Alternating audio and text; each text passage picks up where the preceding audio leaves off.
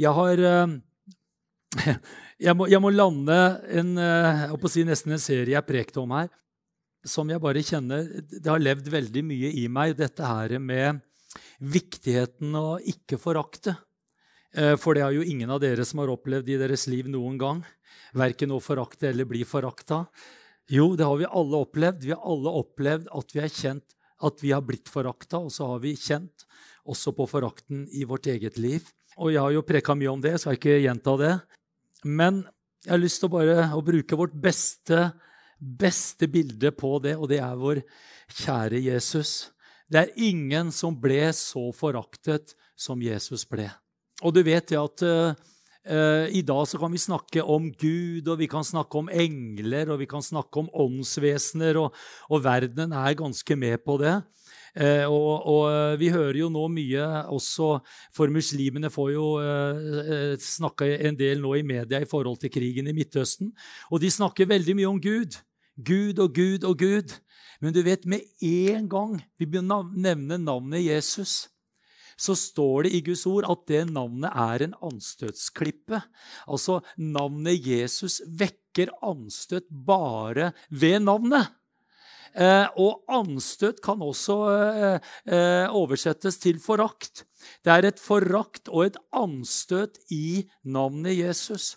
Så bare det at vi begynner å tale om Jesus som Messias, Guds sønn, så vekker det noe i alle mennesker. Vi snakker om Gud, vi kan snakke om engler, men med en gang vi nevner navnet Jesus, så skjer det noe. Oi, oi, oi. Det står i de her kjente versene, jeg skal bare lese et av de, i Jesaja 53. I vers 3 der, jeg har lyst til å lese fra den hverdagsbibelen, så står det om Jesus at han var foraktet ikke bare at han var foraktet, men han var også forkastet av mennesker. Og han ble en smertenes mann. Han var vel kjent med sykdom. Folk fikk lyst til å se bort når de så ham, for han var foraktet, og vi brydde oss ikke. Jesus han, Det var ingen menneske som har levd her på jorda, som har blitt og opplevd så mye forakt som det Jesus eh, gjorde. Og så står det her at han var både foraktet og forkastet. Og jeg har tenkt på det her. Um, er det noen av dere som har opplevd å bli forkasta noen gang? Alle her har opplevd et eller annet setting i livet sitt å bli forkasta. Eh, og så ser jeg da på historiene av det vi nå har gått gjennom her, det er at eh, mennesker som opplever seg forkasta, jeg ser, jeg ser, Bibelen er full av eksempler, og jeg kan gå til eget liv også. Forkastelse, Hvis du opplever forkastelse, så er det veldig fort gjort at du da kan begynne å forakte. Om du opplever deg forkasta, så kan ditt motsvar i kjøttet ditt, som djevelen ønsker, det er at vi kan begynne å forakte. Eh, eh, ta f.eks. Eh, Eliab, som var eldste sønnen til Isai, som var eldste broren til David. Han kommer da foran eh, profeten Samuel. Og alle, og ikke minst Eliab, altså eh, broren til David, eldstebroren til David, forventer nå at han skal bli salva til konge. Han har alle forutsetningene han er høy, vakker, pen, kjekk, smart, eh, flott. Førstemann, ikke sant? Står klar. Profeten står foran med salveordene. Han bare forventer det, og så plutselig så, så blir det Nei, det er ikke deg. Det er en annen. Skjønner du? Hva tror du det Altså, Vi kan vi bare leser historien, men der står Eliab. Hele familien er oppstilt. Profeten Samuel, som da salva Saul til konge. Det var ikke noe tull, altså. Det var ordentlig. Her står Eliab og bare kjenner oh, it's my turn. Nå er det min tur. Nå er det jeg som skal tenke på det. er stort. Han bare står der og går liksom kjenner på det gjennom hele kroppen. Nå skal jeg bli den nye kongen. Han står der så klar. Samuel står foran. Samuel er klar! Alle er klare. Så kommer kontrabeskjeden. Det er ikke deg. Hva tror du det gjorde med Eliab? Du kan jo bare sette deg sjøl inn i den situasjonen. Han kjente på forkastelse. Hva var det han tenkte? 'Jeg er ikke bra nok'. Jeg, jeg, Gud er ikke glad i meg. Jeg, Gud, jeg, jeg duger ikke. Han tenker, liksom, Hva tenker alle som sto her nå? For en ydmykelse! Jeg blei forkasta foran hele familien min. Det er kjempetøft. Men vet du hva vi ser litt lenger ned i svingen? Det er at det er den samme Eliab det er han vi leser om når David kommer og begynner å snakke og konfrontere Goliat. Der kommer forakten gjennom Eliab så direkte til, til, eh, til, eh, David. Han sier, 'Jeg kjenner ondskapen i ditt hjerte.' 'Gå ut. Hvorfor har du sluppet alle fåra løs?' 'Hvem er det som passer på de nå?' 'Hvem har sendt deg hit?' Altså, Det bare kom en sånn forakt. Vet du hvorfor det? Han kjente seg forkasta. Og derfor så ble hans reaksjon i forhold til den som kom inn og tok det som han trodde han skulle få. Vet du hva han kjente? Han kjente en forakt. Hva var det Josefs brødre opplevde når de forsto at Josef det var gullgutten til pappa? Han eh, gikk med den beste kjortelen. Han gikk i Armani-dressen. De andre gikk i Dressmann-dressen. Det var liksom Han hadde rette stil, rette schwung, alt var på plass, liksom. Det bare lyste, lyste kvalitet. Hele, hele her. Og så kommer han fram og forteller historier om nek, kornek som bøyer seg av måner og stjerner og soler og alt sammen. ikke sant? Eh, og så er det jo Ruben som var eldste sønnen der. Eh, og de andre, eh, altså, Han var langt ned på rangstigen, denne Josefen. Men hva er det de opplevde? Jo, de opplevde en far som prioriterte og framelska én sønn. Og hva er det de andre sønnene opplevde seg da? De opplevde seg forkasta! De opplevde at de strakk ikke opp. Det er så viktig jeg bare sier det til mødre og fedre, det er så viktig å, å, å, på en måte fordele den kjærligheten og oppmerksomheten så godt det lar seg gjøre. Og si gode ord til barna. Det er ingenting, for det er så viktig at ikke de opplever noen favoritter eller noen er bedre enn andre, men at de opplever seg elska og sett. ikke sant? Gud gir nåde til det. Men der var det en litt uklok pappa som, eh, som bare ga full attention til Josef og Benjamin. Og de andre gikk der litt som og sulla for seg sjøl. De kjente at de nådde ikke opp. De var ikke elska nok, de var ikke bra nok. De var liksom ikke der hvor Josef var. Og hva er det de ser da? Da kommer denne forakten. Og Derfor er det så viktig jeg bare sier det jeg, sånn at om du opplever at du blir forkasta, om du opplever forkastelse og mindreverdighet i ditt eget liv, så må du ikke bare tenke 'Å, jeg må bli helbreda'. Det skal du bli i Jesu navn. Du skal få bli gjenoppretta. For det er bare løgner ifra helvete. Amen. Gud har aldri forkasta oss. Han har aldri latt oss være nummer to. Vi er alltid nummer én. Vi er hans øyensted og den perlen som han fant. Det er du og jeg. Amen. Så de der forkastelsestankene Men vær obs at hvis det er ting som plager deg, du kjenner på forkastelse, så vit også at den vogna som kobler seg på det, veldig fort er forakt. Og det er dobbel straff, skjønner du. Det er ikke bare det at du opplever deg forkasta, men forakten den tar og isolerer deg og steriliserer deg og gjør deg ufruktbar. Det er også Og det er djevelen. Han bare koser seg på for han tenker hvor, altså, Hvis han kan hekte den ene vogna etter den andre på deg, så gjør han det. Og det blir en runddans. Det som skjer, det er at uh, forkastelsen ofte bekrefter seg. Det var det jeg visste. Nå forkaster de meg igjen. Og så kommer forakten, og så kommer forkastelsen, og så kommer forakten, og så kommer forkastelsen. Så pass på, kjære venner, og fri dere fra dette her og si Jesus denne surdeigen i min sjel, i mitt sinn, i min tanke, i min fantasi, i mitt følelsesliv. Det skal ut i Jesu navn. I Jesu navn. For det det ofte går også over, ikke sant? så kommer den neste togvogna og hekter seg på. Og blir, det blir bitterhet. Og på bitterheten så hekter hatet seg. Du skjønner, Det er djevelens strategi hele veien å hekte den ene vogna på. Ja, men jeg er frelst, jeg er født på ny, Jesus bor i meg. Jeg er hellig, jeg er ren og himmelen verdig. Ja, det er du. Men det fins et område i vår sjel, i vårt sinn, i våre følelser, i våre tanker, i vår fantasi. Du skjønner, der foregår kampen i dag. Det er der som er kamparenaen. Det fins ingen demilitarisert sone. Djevelen kjører på. Men vi har frelsens hjelm, vi har våpen, vi har Guds ord.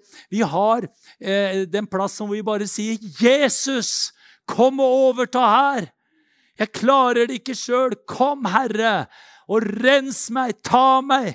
Vet du hva? Forut for alt dette går ydmykelse, ydmykelse, ydmykelse. Og det er ganske tøft.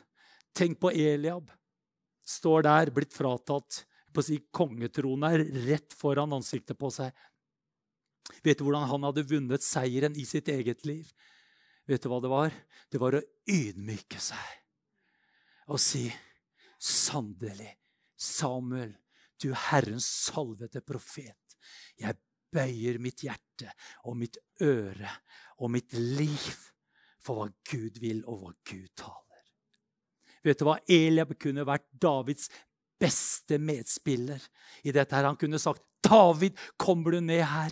Du som er salvet av profeten Samuel.' Å, kjære Gud, ikke jeg tenkte på det. Du kan være Israels håp og redning. Jeg vil stå sammen med deg. Å, jeg vil heie på deg, David. Gjør det som du får i ditt hjerte, for Gud har salvet deg. Jeg vil stå med deg. Jeg vil heie på deg, David. Det kunne blitt en helt annen historie.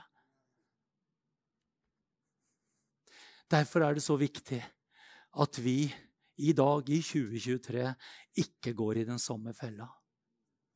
For Guds, det står, Herrens øyne farer over hele jorden for kraftig å støtte dem som har helt med ham i sitt hjerte. Amen. Og hva er det Eliab kunne ha gjort? Han kunne vært helt med Gud i sitt hjerte og bare gitt Gud rett. Men det krevde at han gav at han ydmyka seg. Og jeg er sikker på at i det momentet han hadde gjort det, så hadde han kjent forkastelsen, mindreverdet. Alt det hadde prella av ham. Det er et fangenskap. Det er et djevelfangenskap som holder kristne i fangenskap i dag fordi de ikke har sett at sannheten er at Jesus har tatt alt sammen. Jeg tror faktisk dette her var veldig visdomsord som ble sagt akkurat nå. Det er veldig viktig. Det her er ting du kommer til å få bruk for i ditt eget liv og i andre menneskers liv. Um, åh, vet du hva? Er ikke det vi ønsker? Vi ønsker å leve i frihet, dere. Ja, forut for den friheten så må vi ydmyke oss og bøye våre hjerter og gi Gud rett. Også. Det er veien ut i frihet. For til frihet har Kristus frigjort oss. Så står det 'stå derfor fast'. Stå derfor fast når forkastelsen og mindreverdigheten og alt det der blir kasta på deg. Stå fast i friheten. Ikke la den bli stjålet ifra deg. Og gå ikke i fella og begynne å forakte. For forakten, det er også der hvor du kjenner at der er jeg faktisk bedre enn deg. Ja da, du står der og skinner som ei stjerne, du, og du får det til, og alle folk. Men jeg vet på det området der i ditt liv der er det en svakhet, og der er jeg bedre enn deg. Og hva er det som skjer da? Med en gang du opplever at du er litt bedre, hva er det du gjør? Da forakter du svakheten hos den andre. Mm, og det er så fort gjort! Ja, jeg hører om den og den. Ja, den er så fin sånn og sånn og sånn. og sånn. Men jeg vet. Det er ikke gull alt som glimrer der heller, skjønner du. Og hva som skjer da? Man nesten koser seg. Man kjenner en sånn god følelse når folk mislykkes. Har du kjent det noen gang? Vet du hva vi som pastorer må passe oss ekstra for? Det er når vi hører om andre pastorer og menigheter som sliter. Det er en stygg plass i oss kristne som plutselig kjenner Å, så sliter der, ja. Så grusomt. Hvor mye sliter de egentlig? Og sitter så mye. Å, vi må be for dem. Så grusomt. Uff. Mm. Og så er det en grusom plass som bare kjenner Å, så deilig. Da har det ikke så ille med oss, da. Ja, For det det, det, nå er det ganske bra i vår menighet der. Altså, Vet du hva som skjer da? Du, du bare nærer deg med noe som er stygt. Og så er det noe du forløser, som er forakt. Så kan vi bare spole en måned fram, så får du en telefon fra den pastoren som du har hørt sliter så, og menigheten er halvert. Og så ringer pastoren og sier, 'Runar, jeg vet ikke, jeg bare Du var den første jeg tenkte på. Jeg ringte til deg. Du vet, du vet kanskje ikke noe om dette her, men, men det er så tøft for tida. Jeg lurer på, Kan du møte meg? Kan jeg komme opp til deg? Kan vi bare be sammen? Halleluja, come brother. Og så tenker jeg halleluja. I got it. Jeg har det du trenger. Oh, Jesus, halleluja. Og så kommer denne knekte pastoren opp på kontoret. Jeg bare sier Kom an, Å, oh, Guds kraft. Og så mm. uh. Halleluja. Mm. Det er ikke lenge til jul nå. Det blir sånn, altså. Du har ingenting å gi! Du er helt steril i forhold til det mennesket. Vet du hvorfor det? Fordi du har latt forakten komme opp i ditt hjerte. Og du kan ikke hjelpe den personen i det hele tatt før du har sagt 'Herre'. De tankene, det jeg opplevde i mitt liv Jeg bare taler det ut til deg, Jesus. Jeg legger det under blodet. Jeg bare bryter de tankene i mitt liv. Jeg bare nullifiserer kraften i det der. Jeg ydmyker meg innenfor deg, Herre. Jeg bare forløser meg i Jesu navn. Jeg har jo fortalt deg hvordan jeg gjorde det men den ene mennesket som eh, Jeg herja jo noe helt vilt med borti Sverige. Men han ble fri! Det var fordi at jeg måtte bruke fem-ti sekunder og bare si, 'Herre, jeg ydmyker meg i Jesu navn'. Jeg vil ikke ha dette, jeg vil ikke ha noe imot noen. Jeg vil være fri til å betjene alle mennesker med din kraft. Amen. Halleluja. En sånn menighet. Denne har jeg lyst til å være i. Som møter hverandre med Guds kjærlighet, også når de minst fortjener det. Det her er sannheter, altså, dere. Det her er ikke psykologi. Det er ikke noe, Dette er rent Guds ord. En menighet som lever et sånt liv, vet du hva? det gir en sånn trygghet. Og det gir en sånn altså, eh, Verden skriker om toleranse og romslighet. Det her jeg snakker om, det er sann romslighet og toleranse. At man tåler hverandre også på det som ikke er bra, eller som ikke nødvendigvis er på plass.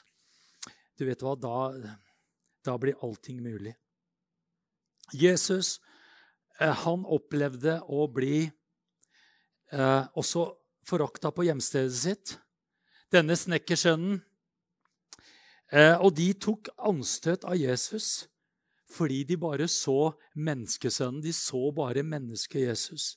At de så bare det naturlige. I Matteus 13, 54. Da han var kommet til hjemstedet sitt, lærte han dem i synagogen deres. Så de ble forundret og sa, hvor fikk denne mannen slik visdom og slike kraftige gjerninger fra? Er ikke dette Så begynner det, ikke sant? Så, vi, så begynner vi å snakke om det naturlige. Er ikke dette tømmermannens sønn? Sjekk. Jo. Heter ikke hans mor Maria? Sjekk. Jo. Og brødrene hans Jakob, Josef eller jo, Joses eller Josef, Simon og Judas? Stemmer helt. Sjekk. Og hans søstre, er ikke, er ikke alle her iblant oss? Check. Yes. Og så kommer spørsmålet hvor fikk da denne mannen alt dette fra? Altså, Det er noe som ikke stemmer her, dere. Vi har jo nå bare ramsa opp hele slektsleddet hans. her. Det er noe som ikke stemmer. Så kommer det Derfor tok de anstøt av ham.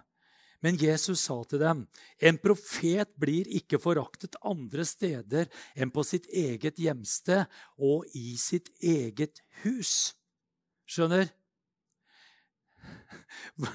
Hva er moralen her? Skal vi alle flytte til et sted hvor ingen kjenner oss? Og så si sånn, Det hadde vært mye enklere på mange ting. Men du skjønner, på det nye hjemstedet så hadde folk blitt kjent med det der òg. Så hadde vært nye hjemstedet. Det hadde ikke vært så mange smeller.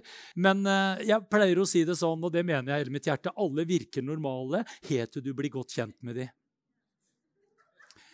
Sånn er det bare. Og om jeg treffer deg for første gang, og vi sitter ned i 10 minutter, kvarter og 20 minutter, så får jo jeg solsida og glansbildet av deg. Og det får du gjerne fra meg også. Ikke sant? Vi ønsker å fremstå så best mulig. Det er jo helt naturlig. Så reiser vi på hyttetur én og to og tre og fire og fem ganger. Så begynner jeg å se det var jo mye merkelig der. Og for noen vaner! Og du må nødt til å ha det på den måten. Det er jo tvangstanker. Og jeg som trodde du var så sporty, du har gitt så uttrykk for at du er sporty. Du blander slalåmski og langrennsski. Du vet jo ikke forskjellen engang. Det er noe som ikke stemmer, skjønner du? Skjønner du? Altså, sånn var det med Jesus også. Han vandra blant disse menneskene. Eh, han vokste opp med disse folka. De kjente Det var snekkersønnen. Mora het Maria, han hadde søstre, han hadde brødre. Det var helt naturlig. Helt overnaturlig naturlig. Og sånn er det viktig at vi ser på hverandres liv òg. Det er noe som er helt naturlig. Ikke sant? Vi blir eldre. Vi blir tykkere, vi blir tynnere. Vi mister noe, og vi får noe. Det skjer noe hele tida. For det er en del av det naturlige livet. Vi lever under forgjengelighet. Vi lever under noe som er på vei til, si, fra, vi, fra vi blir født, så går det nedover. Nei da. Vi er på vei til himmelen, for å si det sånn, alle sammen. Det skjer ting med livet våre. Det er bare sånn det er. Eh, kjære Gud. Så vi lærer hverandre å kjenne, på godt og på ondt. Eh, og jo mer folk lærer deg å kjenne, jo mer ting er det å sette spørsmålstegn ved. Det er bare sånn det er. Og det gjorde de med Jesus også, men han var syndfri. Han gjorde aldri noe feil. Han levde et syndfritt liv fra A til B Fra A til B Fra A til Å. Alfa og omega. Det var fullkomment. Men allikevel så var han et menneske. Han trengte mat. Han ble sulten. Han, han vokste opp. Han kom i stemmeskiftet, dere. Jesus ble kjønnsmoden. Har du tenkt på det? Han gikk fra en tynn guttestemme til en voksen stemme. Det skjedde for alt, alt det skjedde med Jesus. Det var ikke liksom at han eh, liksom kom ferdig snekra ut. liksom. Han vokste. Det står at han vokste i modenhet, han vokste i alder. Altså Lukas 2, 40, ikke sant? Altså, han var i utvikling hele tida. Og når han da kommer der, og så begynner han å legge ut i Nasaret, i hjemstedet sitt, så bare, det var noe voldsomt på han Jesus, da. Og verste er at det er jo kjempebra i tillegg. Det er jo veldig bra. Men come on! Vi kjenner jo den gutten der. Vi vet jo om han. Faren heter Josef, mora heter Maria. Og da har han Altså, altså hallo. Og da kommer den derre Janteloven er ikke noe norsk. skjønner du, Den var jo på Jesu tid òg. Kommer Jesus her liksom og stiller seg opp i synagogen her og, og, og legger ut Han har sittet der og småjuksa og lest eller fått noen jukselapp fra en kjemperabbi et eller annet sted. For det er jo noe voldsomt han kommer med her. Skjønner du? Og de tok anstøt fordi de kjente Jesus ut ifra det menneskelige. Og det bare tenker jeg, så viktig at ikke du og jeg går i den samme tabba her. Her, det, her, ser du noen mennesker som du har sett år ut og år inn. Og år ut og år inn. Og du tenker ja, så herlig at de er her. Eh, eh, men vet du hva? Hvert eneste menneske som er her inne i kveld, er noe helt unikt, har noe helt spesielt lagt ned i sitt liv fra himmelen. Det fins noen gaver, talenter, utrustninger. Det fins noe helt himmelsk, noe helt overnaturlig, som er så mye større enn det menneskelige begrensende som du ser med våre øyne. Det der å ha Vet du hva, vet du hva sann gudsfrykt er? Det er å ha en gudsfrykt for hva Gud har lagt i menneskene som er rundt oss. For du vet det motsatte av forakt er respekt.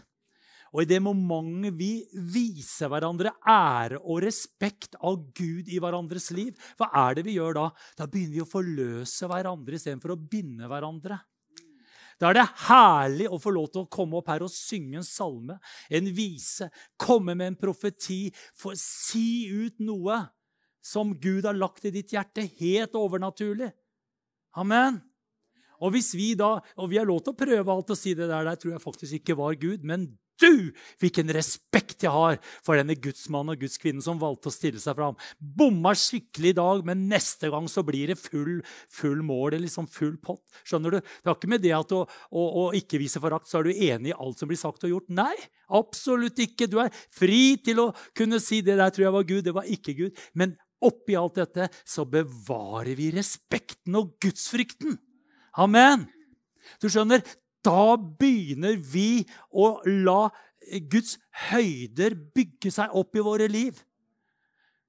Da kan vi begynne å bygge hverandre opp på vår høyhellige tro istedenfor å rase hverandre ned og si halleluja. Jeg bare kjenner Det var kanskje ikke et innertier i dag, men jeg bare kjenner du har noe virkelig fra himmelen på ditt liv. Amen. Og så vet du hva? Da, da, da, det, blir, det blir et helt annet kristent liv, altså. I tell you. Vi har en gudsfrykt, og vi har en underordning og vi har en ydmykhet innenfor Gud. Men vet du hva? Det må også gå horisontalt. Når vi har det for hverandre, skal jeg si en ting, om vi ønsker frihet i våre møter, da kommer det frihet. Amen.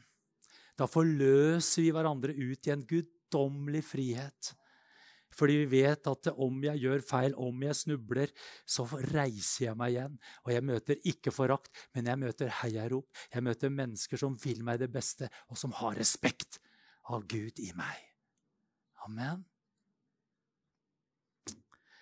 Det er en menighet jeg vil trives i også. Han gjorde ikke mange kraftige gjerninger der. På grunn av hva da? Vantro. Du skjønner, vi heter Troens Liv Bibelsenter. Fantastisk navn. Men si, uten substans så er det bare klingende malm og lydende bjelle. Amen. Hvordan kan vi være troens liv? Svaret er her. Vet du hva? Jesus han var Guds sønn. Det står at han helbredet alle, står det. Amen. Han helbredet alle. Men så leser vi her at han gjorde ikke mange kraftige gjerninger der pga. deres vantro. Du skjønner, det ligger klistra sammen. Skjønner du? Det å ta anstøt, det å ha forakt, det gjør noe med troen. Du klarer ikke å ta imot det som Gud i sin nåde hadde planlagt for deg. Fordi du hadde ikke den respekten og forventningen av Gud i de menneskenes liv. Hva er det Jesus møtte der? Han møtte vantroen fordi han møtte forakten. Skal vi bestemme oss for det skal ikke gjelde oss? Vi bør ikke flytte rundt omkring som et nomadefolk. For at eh, idet de har liksom avslørt oss og sett hvor menneskelige og skrøpelige vi egentlig er, så må vi flytte til neste plass, sånn at de bare kommer Wow, glory Jesus. Jeg er jo helt motsatt. Når, jeg, når folk dukker opp folk her, og de har ingen historie, så blir jeg meget skeptisk. Jeg er salvet av Gud, jeg har en mektig tjeneste. Jeg har møtt noen av de jeg har kommet til troens liv. I tell you. De har bare dukka opp som eh, paddehatter. Kommer opp og sier så mye herlig. Og, bare, og jeg har uh, bedt og reist opp fra rullestoler og alt mulig, men jeg kjenner jo ikke historien deres. ikke sant? De har bare dukka opp her. Halleluja. Det er sterkt. Amen. Men har de ingen historie? Jeg spør hvem er den siste pastoren din? Glory Jesus. Jesus er min pastor. Og de har ingen historie å vise til. vet du, Bare ding, ding, ding, ding, ding, ding. Vær forsiktig. Da vil jeg heller ha en enkel mann og kvinne som har gått sin vei med Gud, og som elsker Jesus, og som har et ydmykt og vakkert hjerte. Amen. Det er nå det. Mer enn perler er de verdt. Takk, Jesus.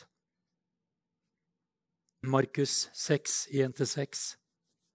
Så gikk han ut derfra og kom til sine egne hjemtrakter, og disiplene fulgte ham, med ham. Da sabbaten kom, tok han til å undervise i synagogen. Mange som hørte ham, ble forundret og sa, 'Hvor har han dette fra?' Og hva slags visdom er gitt ham? Slik gjør at slike mektige gjerninger blir utført ved hans hender. Er, kommer det akkurat sammen igjen. Er ikke dette tømmermannen eller snekkeren? Marias sønn og bror til Jakob, Josefs, Judas og Simon. Og Erik, hans søster, er iblant oss? Og de tok igjen åndsstøt av ham. Men Jesus sa til dem, en profet er ikke uten ære noe annet sted enn på sitt hjemsted, blant sine slektninger og i sitt hjem. Han kunne ikke, men han ville.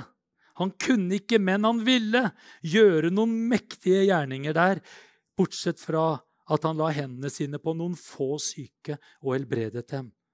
Og så kommer det her. Han, altså Jesus, undret seg over deres vantro.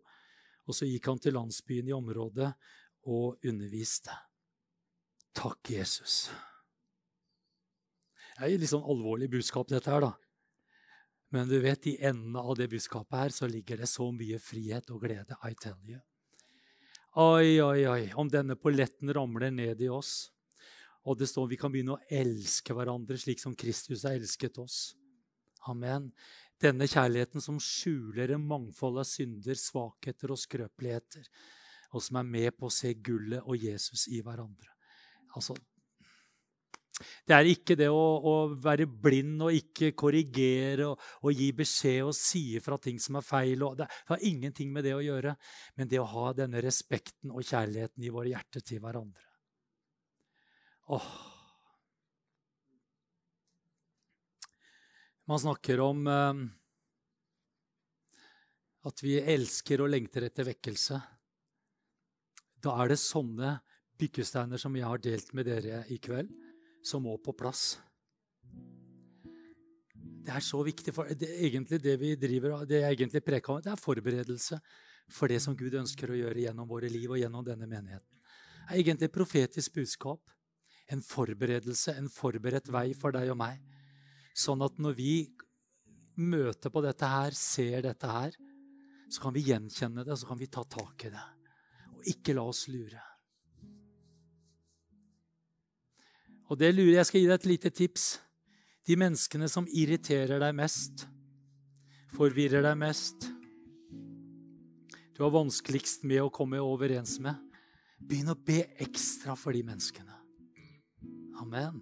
Ikke be om at uh, Å, Herre, flytt enten meg eller de til et annet sted. Det er ingen god bønn. Heller si, Herre, bøy mitt hjerte. Gjør noe i mitt liv. Å, Jesus. Det står at vi, eh, vi skal velsigne den som forfølger oss. Vi skal velsigne den som forbanner oss. Det står at vi skal elske våre fiender. Nå håper jeg ingen er kommet så langt her inne. Men om du har noe imot, eller kjenner irritasjon, eh, kjenner nesten på utilgivelse, eller hva det enn er Åh, Takk, Jesus. Og så er det som alt annet, som et underlag for alt det Gud er alt han gjør, det er ingen fordømmelse for den som er Jesus Kristus. Det er ikke fordømmelsen eller Om du har tatt et oppgjør med det, og djevelen kommer og hvisker Jeg tror ikke du har tatt et ordentlig oppgjør, så bare luk det bort av bedet ditt og si det der hører jeg ikke på. Men om du kjenner at Den hellige ånd minner deg på ting og sier her er det et område i ditt liv, her er det noen mennesker som du trenger å tilgi, som du trenger å velsigne, som du trenger å bøye ditt hjerte, omvende deg. Om det er i menigheten, om det er i familien. Du vet, familien er, kan være familien verst. Om det er ting på, som arbeidskollegaer, kamerater, venninner, sjefen din, broren din, søstera di om du ønsker å være en vellukt og en fruktbærende hage for Jesus, så må denne surdeigen ut av ditt liv. Og det er det du som har makt og autoritet til å gjøre. Djevelen kan ikke holde deg i det fangenskapet. Du kan velge å si, 'Herre, jeg ser det er en liten surdeig her.' Den vil jeg ikke ha. Den her vil jeg ha bort til Jesu navn. Å, Herre, ja, men så tenker du ja, men jeg har jo litt rett òg, da. Ja. Men nå sier Herren, det er ikke det jeg kalte deg til å ha rett. Jeg kaller deg til å gjøre rett. Gjør rett.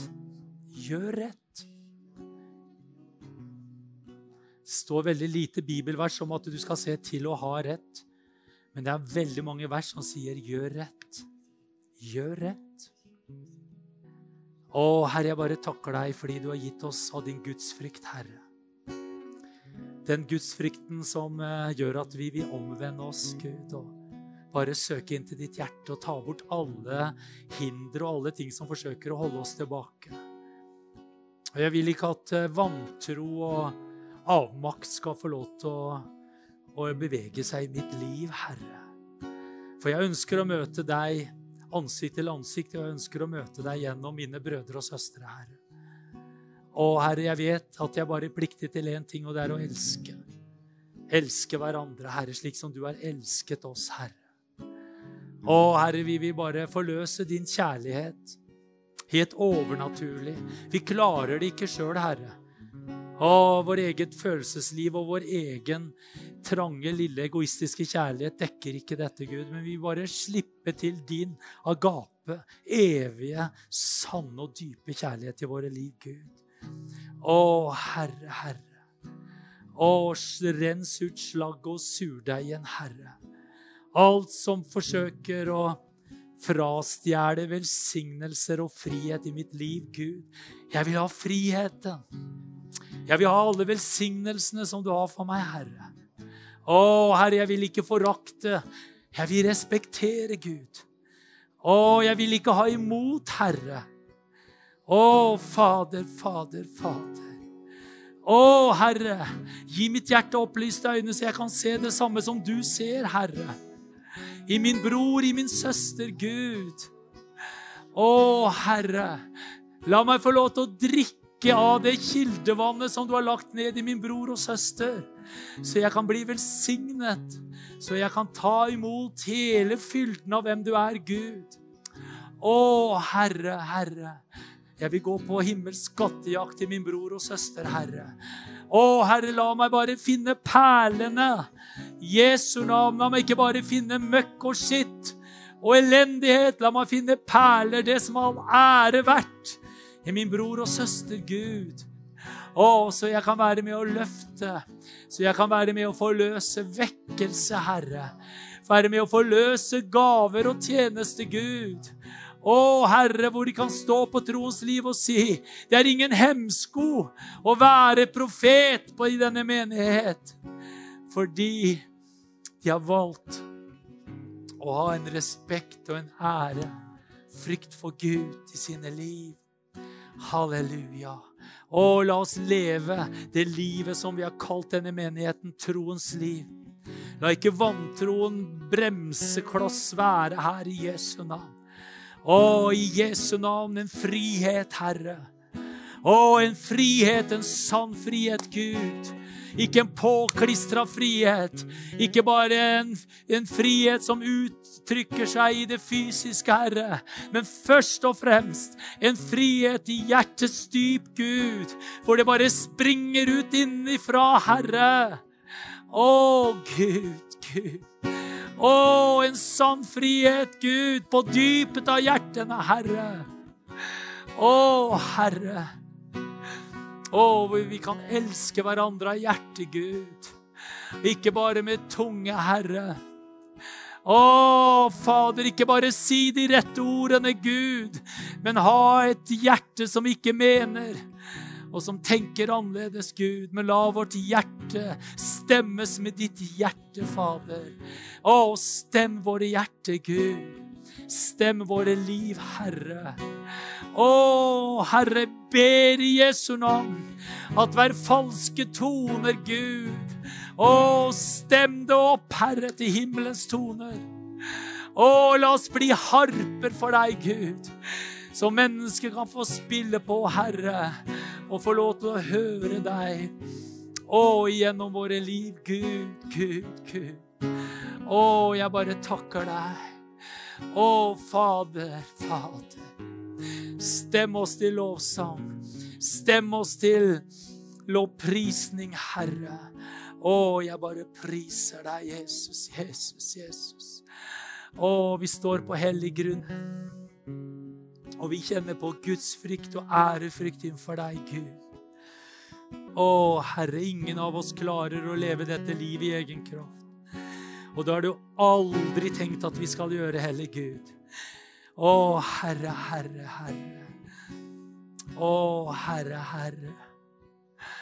Å, Fader, Fader, Fader. Å, vi vil ikke være som Eliab, vi vil ikke være som Mikael.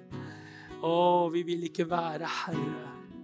Vi vil ikke være en fariseer, Gud. Vi vil ikke bare være feilfinnere, Gud, som finner feil og mangler overalt, Gud. Å, Herre, vi vil ikke bare fylles med kritikk og negativitet og utvikle en kritisk ånd, Herre, men vi vil utvikle sunnhet og helse. Vi vil utvikle, Herre, det som du i din sannhet har gitt oss, Gud. Å, Herre, vi vil løpe med deg. Vi vil kjenne oss fri med deg, Herre, sånn at vi kan elske og se hvert eneste menneske inn i øynene, Herre. Å, Herre, vi vil være frie til å tjene i ånd og sannhet, Gud. Vi bare kjenner oss så totalt avhengig av deg, Jesus. Å, Fader, Fader, vi bare bøyer våre hjerter i ydmykhet innenfor deg, Herre. Å, vi bare bøyer oss inn for deg, du levende Gud. Å, det er ikke en lang ørkenvei som du trenger å gå for dette her. Som jeg fortalte deg for denne unge mannen som jeg ba for. Det tok meg fem-ti sekunder å bare bøye mitt hjerte inn for Gud. Til å bare si, Herre, jeg er feil, du har rett. Jeg bare ba Jesu navn. Jeg bare bøyer mitt hjerte. Jeg bare tar imot tilgivelse og nåde. Pang, der var det. Halleluja. Å, halleluja. Å, halleluja. Vi klarer det ikke i egen kraft, men si Jesus. Jeg i deg og du i meg, Herre. Å, jeg bare forløser din kraft i mitt liv, Herre. Jeg bare tar imot din styrke. Jeg tar imot din vilje, Herre. Å, vi bare står innenfor din trone i formiddag, Herre. Å, Herre, Herre. Å, vi står på hellig grunn. Takk, Herre, at vi kan komme med frimodighet innenfor deg i formiddag, Herre. Vi kan søke og få hjelp og nåde i denne rette tida, Herre. Å, du har alltid ny kraft og ny nåde å gi oss, Gud. Jeg bare priser deg. Halleluja! Om vi har gått noen ørkenrunder, om vi har falt, så reiser vi oss igjen. Vi står opp igjen, Herre. Å, vi står opp igjen i din kraft, Gud. Vi reiser oss i din mektige kraft, Herre. Å, vi går opp, Herre. Å, vi går opp til deg, Fader. Halleluja, halleluja. Ta imot Guds tilgivelse. Ta imot Guds omsorg, ta imot Guds nåde, som er rikelig, som er rikt mål på det. Halleluja. Å, bare ta det imot, ta det inn i ditt liv. Ta imot Guds kraft. Ta imot Hans kjærlighet til deg ikke i formiddag. Bare ta imot Guds utdrakte armer for deg. Å, halleluja, halleluja. Halleluja, halleluja. Å, takk, Jesus. Takk, Jesus. Å, halleluja, halleluja. Å, halleluja, halleluja. Å, jeg bare hører lenker som faller. Jeg bare ser byrder som løftes av. Halleluja. Å, halleluja. Halleluja, halleluja. Halleluja, halleluja, halleluja. Ektefeller som tar et oppgjør og nekter å la forakten, forkastelsen, skuffelsen Hore shikiri bramande. Hora babasikerdendeya. Hebrogodoria lamande brendoria lamandeya. Å, vi bytter bort forakten med respekt. Å, vi bort, bytter bort løgnen med sannhet. Sambrendeya. Resididim bramandori alabande brendeya. Å, ramamamandeya. Herre, jeg bare ber, Herre. En ny elv av liv og kjærlighet flyter mellom ekteskap, Herre. Mellom ekteparene, Gud. Jeg bare ber i Jesu navn. I Jesu Kristi navn. Residiaralamande. Jeg bare bryter over djevelens innflytelse. Jeg bare bryter djevelens makt inn i ekteskapet i Jesu navn. Oh, ramandeya. Det som bare finner det negative, det som bare er kritisk, det som er dømmende, det som bare ønsker nord og ned og hjem. I Jesu navn. Jeg bare bryter over det i Jesu navn. I Jesu navn. I Jesu navn. I Jesu navn. Å, vi bare bryter det. Halleluja.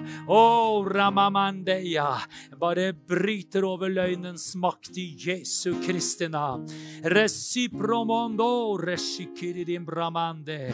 Residar alabande. Residar alabandeya. Residorologokoya.